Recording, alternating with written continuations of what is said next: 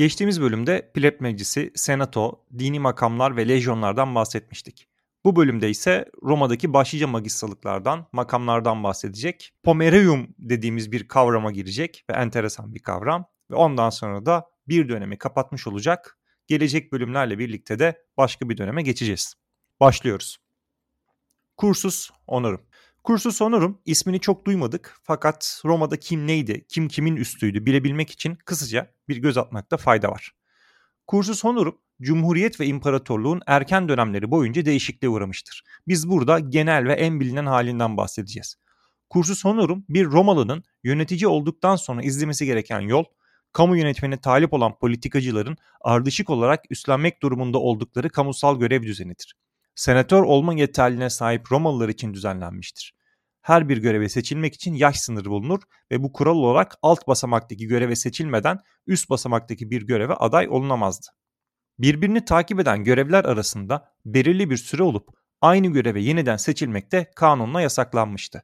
Bu kurallar Cumhuriyet'in sonlarına doğru değiştirilmiş ve zaman zaman da görmezden gelinmiştir göreve getirilmek için en düşük yaş eşiğinde yani Romalıların dediği gibi insio anno yani yılında seçilmiş olmak seçilen kişi açısından oldukça büyük bir başarı ve prestij olarak kabul edilirdi. Senatör olma yeterliliklerini taşıyan bir Romalı'nın önce askeri tribünlük yapması gerekirdi. Sonrasında ise 30 yaşında quaestorluğa aday olabilirdi. Kursus honorumda ilerlemek isteyen Romalı'nın en geç 39 yaşına kadar bu makama seçilmiş olması gerekirdi. Bir sonraki makam preatörlüktü. Fakat isteyen Romalılar Quaestorluktan sonra 35 yaşında Aedilli'ye de aday olabilirlerdi. Fakat bu zorunlu değildi ancak tavsiye edilirdi. 40 yaşında preator olan biri artık 43 yaşında konsül olabilirdi. Bu yol hem plebler hem de patriciler için geçerliyken pleblerin izleyebileceği bir yol daha vardı. Bir pleb quaestorluk yapmadan pleb aedili seçilip kursus honoruma bu noktadan da girebilirdi üstteki makama aday olma asgari yaşından önce diğer makamda görev yapmış olmak gerekirdi. Sensörlük ise basamaklardan biri olmamakla beraber genelde konsüllük yapmış tecrübeli devlet adamları sensör seçilirdi fakat bunun istisnaları da elbette vardı. Askeri tribünlükten sonraki her makam otomatik olarak senato üyeliği de getirirdi. Bu makamlara yani magistralıklara kısaca göz atalım. Quaestor Kelime kökeni olarak teftiş etmekten gelen questçıların başlıca görevleri teftiş etmek yani denetlemekti. Hazineyi, harcamaları, orduyu ve subayları denetlerlerdi. Zaman zaman ordu komuta ettikleri ya da komutanların yardımcılıklarını üstlendikleri eyaletlere vali yardımcısı olarak atandıkları da olurdu. Komite Kuryata tarafından seçilirlerdi. Başlangıçta 4 olan sayıları zamanla 20'ye kadar çıkmıştı. Kursus Honorum'un giriş basamağı olarak üst seviyeleri hedefleyen Romalı politikacıların hayatlarının bir döneminde görev almaları gereken makamdı.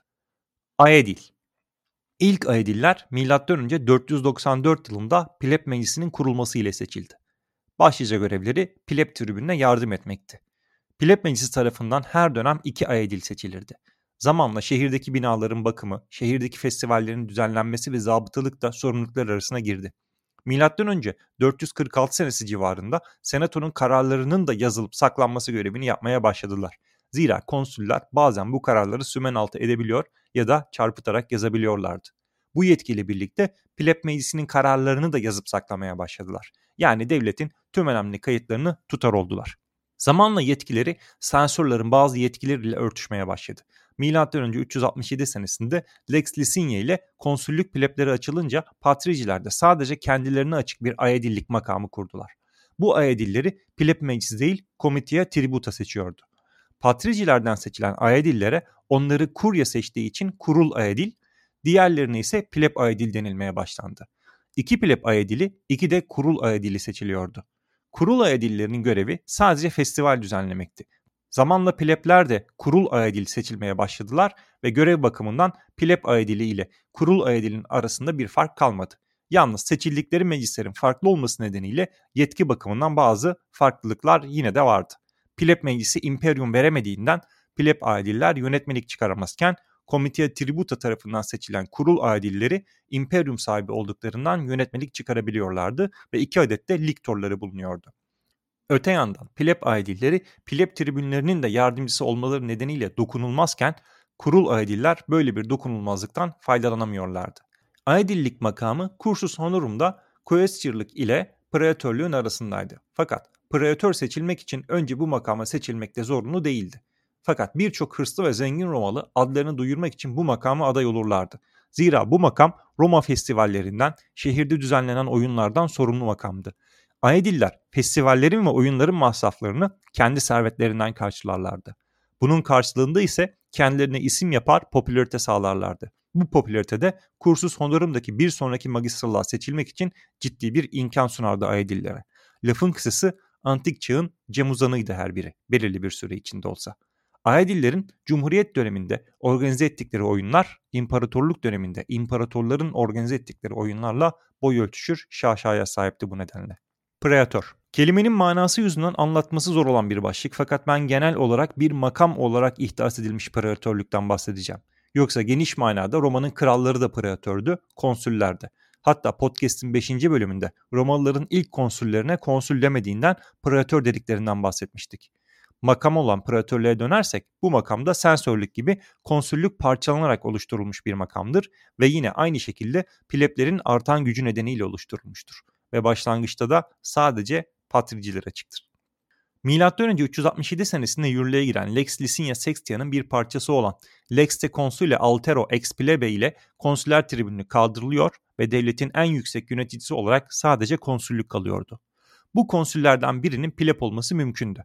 Konsüler tribünlük ihdas edildiğinde pleblerin sensus yapamamaları için nasıl sensörlük makamı ihdas edilmişse bu sefer de adalet işlerinin yürütülmesi için sadece patricilere açık preatörlük makamı ihdas edilmiştir. Preatörler imperium sahibi, asli görevleri adalet işlerini yürütmek olan fakat gerektiğinde lejyonları da komuta edebilen yüksek bir memurluktu. Esasen gelişen ve büyüyen Roma'nın böyle bir makama ihtiyacı da vardı.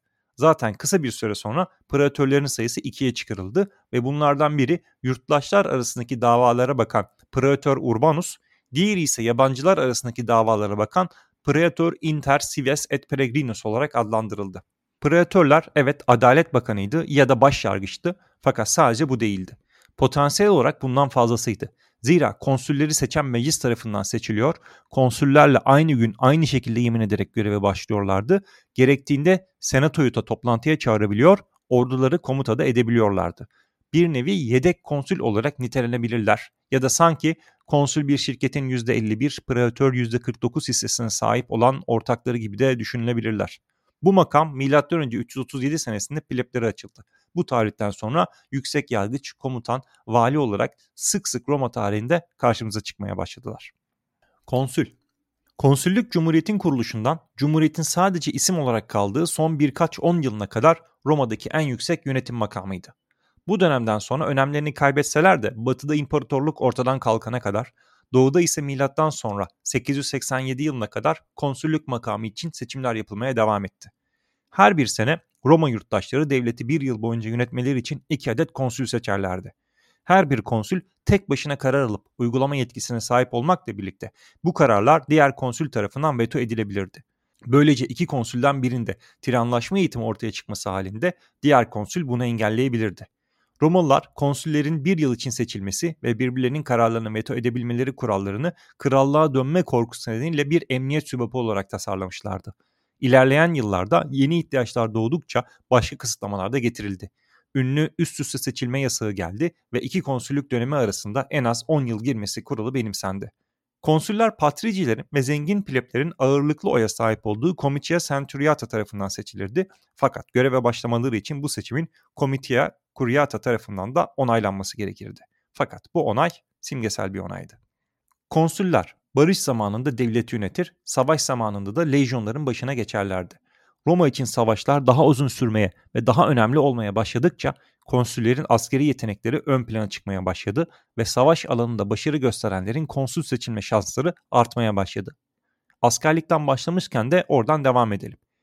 Geleneksel olarak bir konsül tarafından yönetilen konsüler ordular İkisi de Roma yurttaşları, ikisi de müttefik şehirler tarafından oluşturulan 4 lejyondan oluşan 20 bin kişilik bir mevcuda sahip olurlardı.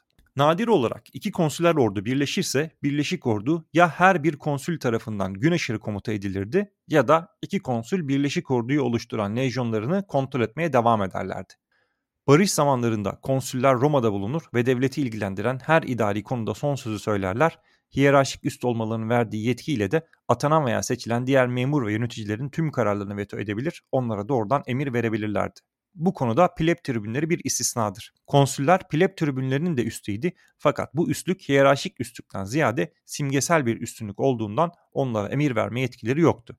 Zira pleb tribünleri ortaya çıkış maksatları gereği bir patriciden ya da herhangi bir başka makamdan emir almazlardı. Nasıl Roma konsülleri bir daha krallık kurulmasın diye çift başlı kılınmış ve yönetim süreleri kısıtlanmışsa gücü elinde tutanlara yönelik ilkesel şüphe yöneticileri kısıtlama dinamiğini devam ettirmiş, biraz evvel değindiğimiz gibi konsüllerin üst üste seçilmeleri yasaklanmış, ardından da belirli yetkiler konsüllerden alınmış ve başka makamlara verilmiştir. Örneğin sensus yani nüfus ve mal sayımı yapma ve böylece kimin senatör olma yeterliliğine sahip olduğuna karar verebilme yetkisi konsüllüğün pleplere açılması ile konsüllerden alınmış ve yeni ihdas edilmiş sensörlük makamına devredilmiştir. Konsüllerin başlangıça sahip olduğu yargısal yetkilerde pleblerin bir konsüllüğü garanti altına alması ile preatörlere devredilmiştir. Yine bir önceki bölümde bahsettiğimiz senatonun tavsiyeleri giderek teamülen konsüllerce uygulanması zorunlu kararlar haline gelmiştir. Bu kısıtlamalara bir de konsüllerin görev süreleri sona erdikten sonra konsül olarak yaptıkları nedeniyle yargılanabilmeleri eklendiğinde dünyanın en güçlü devletinin başkanı olmanın bir yandan sınırsız bir güce sahip olmak, bir yandan da elinin kolunun bağlanması manasına geldiğini görüyoruz. Aynı bugünün Amerika Birleşik Devletleri başkanlarının durumu gibi. Görüldüğü üzere Roma her zaman en tepedeki yöneticilerini giderek zayıflatmıştır ve tarih de göstermektedir ki bundan hatırı sayılır nispette fayda da sağlamıştır. Gerçi bazen günümüzde de öyle kontrastlar oluşuyor ki bu çıkarımı yapmak için tarihe bakmaya gerek kalmıyor. Devasa bir devletin tüm kurumlarını, tüm yöneticilerini esir etmeyi başarmış bir diktatör, komşularına ve tüm dünyaya akıl almaz bir iştahla saldırabiliyor, tüm dünyayı nükleer yıkım ile tehdit edebiliyor. Umudum ve beklentim tüm eksiklerine, sıkıntılarına, kaypaklığına, adaletsizliğine ve eleştirilebilir onlarca yanına rağmen insanca yaşamanın en azından mümkün olduğu demokrasilerin bu vahşi saldırganlığa karşı bir araya gelip onu ehlileştirebilmeleridir. Kontrolsüz güç güç değildir diyelim ve devam edelim. Benim konsüllerle ilgili en sevdiğim özellik o yılların konsüllerin ismiyle anılması. Roma takvimi şehrin kuruluşundan başlardı. Fakat atıyorum ki Roma şehri kurulduktan 401 yıl sonra yani Romalılara göre 401 yılında doğdunuz. Doğum yılınızı 401 olarak değil Publius Valerius Publicola'nın konsul olduğu yılda doğdum şeklinde anlatırdınız. Çok enteresan değil mi? Sensör. Patriciler ve plebler arasındaki mücadele bazı makamların bölünmesine, bazı makamların pleblere açılmasına, yeni makamlar iddiat edilmesine sebep olan grift bir mücadeleydi. Pleblerin konsül olmak istemelerine karşılık bu makamı onlara açmak istemeyen patriciler hem kendilerine hem de pleblere açık olan konsül yetkileriyle donatılmış askeri tribünlük isimli bir makam icat etmişlerdi. Tabi her tür konsüler yetkinin plebler tarafından kullanılmasını da kabul edemezlerdi. Bunlardan biri de kimin hangi sınıfta olduğunu belirlemek, dolayısıyla dolaylı yoldan kimlerin senatör olup olamayacağını belirlemekti. Sensorlar bunu sensus yoluyla yaparlardı. Sensus bir nüfus ve servet sayımıydı. Bu yolla kimin komuçaya centuriatada hangi sınıfta yer alacağı belirlenirdi. Makam ilk ihdas edildiğinde görev süresi 5 yılken kısa süre içerisinde görev süresi 18 aya düşürülmüştür. Konsüller gibi her dönem 2 adet sensör seçilirdi. Biri ölürse, istifa ederse, görevini yapamayacak duruma düşerse diğerinin de istifa etmesi gerekirdi. Bu kurala uymamış bir sensör olan Appius Claudius Caecus'tan bahsetmiştik. Kendisi makamının ilk ihdas edildiği zamanki görev süresi olan 5 yıla kadar makamdan inmemiştir. Fakat bu sırada makamın prestijini de çok arttırmıştır. Sensörler zaten sensus yetkilerinin içinde ve yanı sıra Roma'nın ahlaki bekçileriydi de. Zaten bugün kullandığımız sansür kelimesi de bu nedenle sensör kelimesinden gelmektedir. Sensörler Roma yurttaşlarını fişlerlerdi ve bu fişlemelere itiraz edilemezdi. Sensörlerin aldığı kararları ancak kendinden sonra gelen sensörler belirli şartlar altında iptal edebilirdi. Görevleri zamanla ve özellikle Appius Claudius'tan sonra genişledi. Hazineyi ve kamu projelerini denetlemek de görevleri arasına girdi. Elbette bu kadar kuvvetli bir makam ilelebet ayakta kalamazdı. Makam konsüllük plepleri açıldıktan bir süre sonra pleb erişimine de açılarak ihdas ediliş anlamını yitirdi ve imparatorluğa geçiş sonrasında da kaldırıldı. Fakat en güçlü oldukları zamanda sensörler imperium sahibi olmasalar da Roma'nın en korkulan ve öte yandan da en çok saygı duyulan kişileriydiler. Zira hem çok kritik yetkileri sahiplerdi hem de genel olarak daha önce konsüllük yapmış Romalılar arasından seçildiklerinden yetkilerinden bağımsız olarak şahsen de çok güçlü insanlardı. Diktatör Romalılar belirli bir konuyu hızlıca ve etkin bir şekilde çözmesi için zaman zaman diktatör atarlardı. Bir diktatörün atanması durumunda konsüller dahil bütün magistralar yeni seçilmiş yahut atanmış yöneticiler diktatörün emirlerine tabi hale gelirlerdi. Pleb tribününün diğer magistraların kararlarına veto yetkisi de diktatörlerin kararlarına karşı oldukça kısıtlıydı. Böyle büyük bir yetkiye sahip birinin tiranlaşmaması için Romalılar elbette bazı önlemler almışlardı. Öncelikle diktatör 6 ay için seçilirdi. Diktatör atanmasına neden olan krizi çözdüğünde ya da 6 aylık görev süresi sona erdiğinde istifa etmek zorundaydı. Diktatörlerin atanmasına neden olan başlıca 3 sebep askeri, idari ya da dini olabilirdi. Diktatörler atanma sebeplerinin dışında kalan konularda karar alamazlardı. Örneğin Roma askeri açıdan zor durumda kalmış ve sorunun çözümünü bir diktatöre bırakmışsa o diktatör sadece askeri konularda yetki kullanabilirdi. Roma'da binalarda kullanılacak olan tuğlanın rengiyle ilgili karar veremezdi. Bu noktada konsül ve diktatör arasındaki temel farklardan da bahsetmek lazım sanıyorum. Bariz fark diktatörün tek kişi olması ve kararlarının veto edilememesidir. Konsül teamülen senatonun tavsiye ettiği kararlara uymak zorundayken diktatörün böyle bir zorunluluğu yoktur. Öte yandan konsül yönetimini ilgilendiren her konuda karar alabilirken diktatör sadece seçilmesine neden olan krizle ilgili konularda karar alabilirdi. Aynen bizdeki OHAL uygulaması gibi değil mi? Konsüller görev sürelerinin bitiminde makamdaki faaliyetleri nedeniyle yargılanırken diktatörler bu nedenle yargılanmazdı. Yargılamadan muafiyetin tarihte bir istisnası var. Dikkatli dinleyiciler de hatırlayacaktır. 9. bölümdü sanıyorum. Veyi düştükten sonra ganimet dağıtımındaki uygulamalar nedeniyle Marcus Furius Camillus yargılanmamak için gönüllü sürgüne gitmişti. Bir diktatör senato gerekli görürse üst üste seçilebilirken konsüller için biraz önce değindiğimiz gibi üst üste seçim yasağı bulunmaktaydı.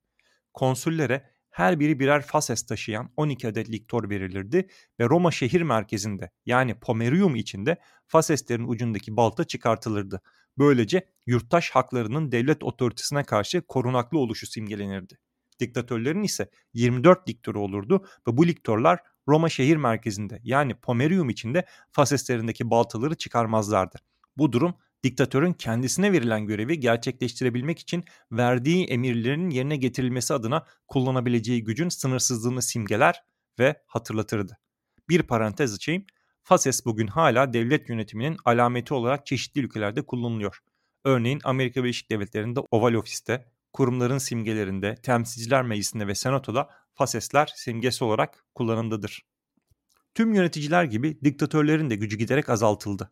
Önce kararlarına karşı senatoya itiraz yolu açıldı ve ardından da pleb tribünleri fiilen diktatör seçimlerini veto edebilir duruma geldiler. Böyle bir girişimde bulunmamış olsalar da birkaç örnekte de bunu bir tehdit olarak öne sürdüler. Bir diktatörün atanması, seçilmesi üç aşamalı bir işlemdi. Önce senato bir diktatör atanması hususunda bir tavsiye kararı alarak konsüllere bir diktatör adayı belirlemesi görevi verirdi. Konsüller bir diktatör adayı belirledikten sonra diğer yüksek devlet görevlilerinin seçimlerini onaylayan ve onlara yönetme yetkisi yani imperium veren meclis olan Comitia Curiata diktatörün göreve başlamasını sağlayan kararı alırdı. Diktatörlük makamı Cumhuriyet'in ilk yıllarından 2. Pön Savaşı'na kadar yaklaşık 300 yıllık süre zarfında oldukça sık başvurulan bir kurumdu. Sonraları diktatör seçmektense kriz zamanlarında Senatus Consultum Ultimumlar yayınlanmaya başladı. Yani mutlak senato kararları. Kurum Cumhuriyet'in son yıllarında Sulla ve Sezar tarafından farklı formlarda canlandırıldı ise de Cumhuriyet'in yıkılması ile birlikte ortadan kalktı. Zira imparatorlar bir diktatörün sahip olduğu yetkilere artık makamlarının doğası gereği sahiplerdi. Pomerium en sona bıraktığım ve muhtemelen adını ilk kez anacağımız bir kavram Pomerium. En sona bıraktım zira unuttum. Aslında Roma-İtalya Konfederasyonu başlığında 19. bölümde yer verecektim bu kavrama. Fakat bir bakıma iyi oldu karışıklık nedeniyle unutmam. Zira ayrı biçimde ele alınca daha çok yer edebilir sanıyorum hafızada bu kavramın ne olduğunu öğrendikten sonra da Roma'da bazı işlerin neden garip işlediğini ve akla yatmadığını hepimiz daha iyi anlayacağız. Roma'nın tüm İtalya'nın hakimiyken dahi aslında şehir devleti yapısını koruduğundan bahsetmiştik. Dolayısıyla şehrin sınırları ve bu sınırın dışı arasında bir fark olmalıydı. İşte öz, has Roma'da bazı ilginçlikler vardı. Roma şehrinin sınırları Roma'nın hukuki, dini ve politik yaşamı için kati derecede önemliydi. Roma şehrinin sınırları şehir surlara sığmayıp yeni surlar yapıldıkça genişlemiş ve sonunda surlar da önemini yitirerek dini bir sınır haline gelmişti. Roma bu sınırın içindedir. Hatta bu sınırlar o kadar önemlidir ki şehrin kuruluş tarihi olan 21 Nisan M.Ö. 753 Romulus'un bu sınırları belirlediği tarih olarak kabul edilir. Bu sınırın içindeki bölgeye de Pomerium denmiştir. Romulus'un surlarını Servis Tullius'un surları onu da geç Cumhuriyet döneminde Sulla'nın belirlediği sınırlar takip etmiş ve Pomerium genişlemiştir. Fakat şehir pratikte bu sınırlardan daha geniştir. Surlar belirleyiciliğini kaybettikten sonra sınırların bulunduğu yerlere taşlar yerleştirirdi. Bir sokağın bir cephesi Pomerium'dayken diğer cephe Pomerium dışında yani Ager'deydi. Hiç Pomerium olanla olmayan bir olur mu? Olmaz. Roma yöneticilerinin yani magistraların yetkileri Pomerium'da ve dışında farklıydı. Bu durum Faseslerinde balta taşıyıp taşımamaları ile sembolize edilirdi. Pomerium'da hiçbir konsül dahil magistranın liktoru Fases'inde balta taşıyamazdı. Diktatör hariç. Pomerium içinde bir magistranın bir yurttaşa verebileceği cezalar sınırlıydı ve itiraza tabiydi. Fakat Pomerium dışında özellikle konsüller ve preatörler lejyonları komuta etme yetkisine de sahip olduklarından askeri seferdeymiş gibi hareket edebilirlerdi ve kişilere ölüm cezası dahi verebilirlerdi. Zaten Latince'de yabancı manasına gelen hostis, düşman manasına da gelen bizim için muğlak bir kelimeydi. Bugün bizim dilimizde de militan, militer şekliyle girmiş militae kelimesi de yurt dışında manasına gelmekteydi. Belli ki Romalılar ve muhtemelen o dönemin İtalyan halkları için şehrin dışında olmak ile savaşta olmak hemen hemen aynı şeydi. Konsüllerin ve preatörlerin yetkileri de bu kavrayış çerçevesinde şehir içi ve dışında farklılık arz ediyordu. Şimdi Pomerium içinde Faseslerin ucunda balta olmaz dedik. Bu bir sembol müydü sadece? Hayır. Daha geniş bir kuralın yansımasıydı bir yandan da. Pomerium içinde silah taşınamayacağı kuralını. Yani elbette günlük işler için kullanılan sopa, bıçak vesaire eşya taşınabilirdi. Fakat bunların silah olarak kullanılması ve kılıç, mızrak gibi silah olduğu tartışmasız eşyaların Pomerium'a sokulması yasaktı ve Roma'ya bir saldırı olarak kabul edilirdi. Bir Romalı askerin silahı ile Roma'ya girmesi Roma'ya saldırı olarak kabul edilirdi.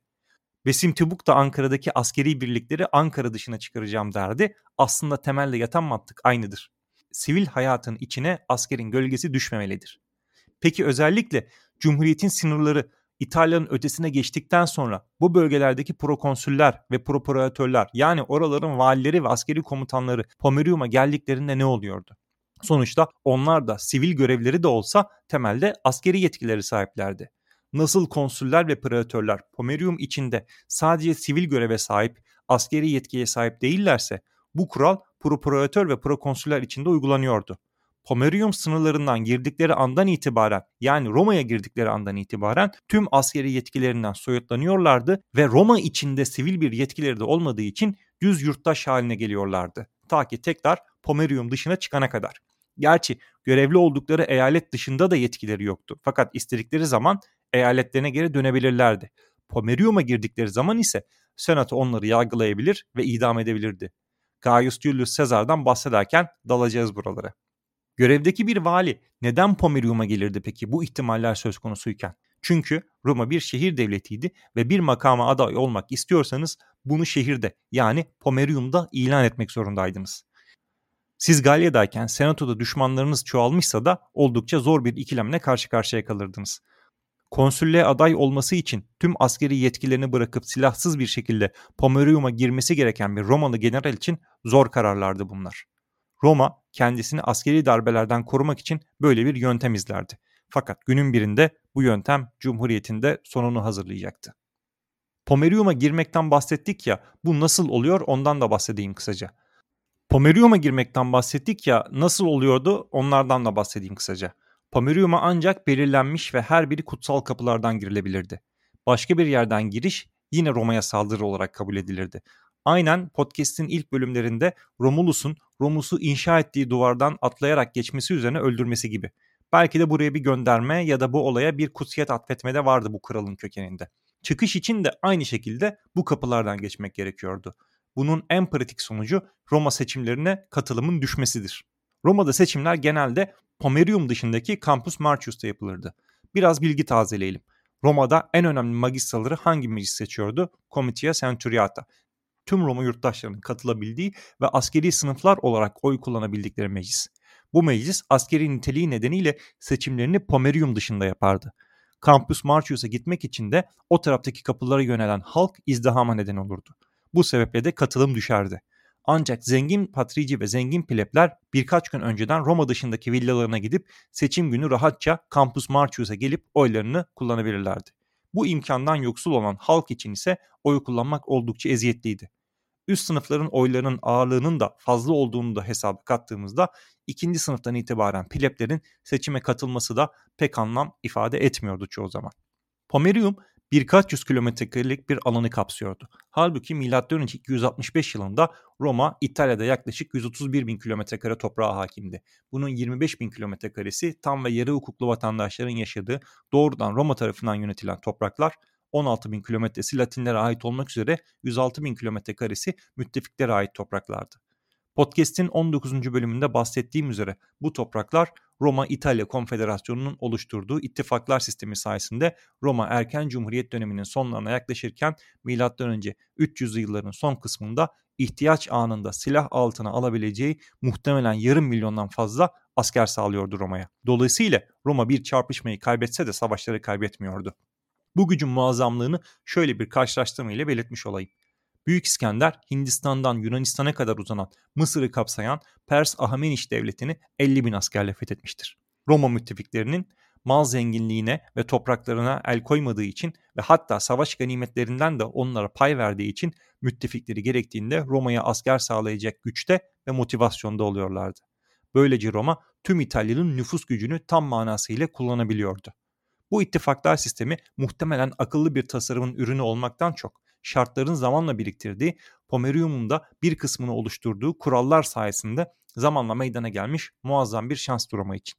Belki Roma'nın tüm idaresi son bölümlerde ve aslında podcast'in geleninde bahsettiğimiz üzere parçalı olmasaydı buna tezat olarak bir makamda toplansaydı bu makama gelen kişiler tüm gücü ve zenginliği kendi uhdelerinde toplamak isteyeceklerinden Roma çok daha zengin fakat sahaya ancak paralı yahut disiplinsiz askerler çıkarabilen sıradan bir ilk çağ devleti haline gelecekti.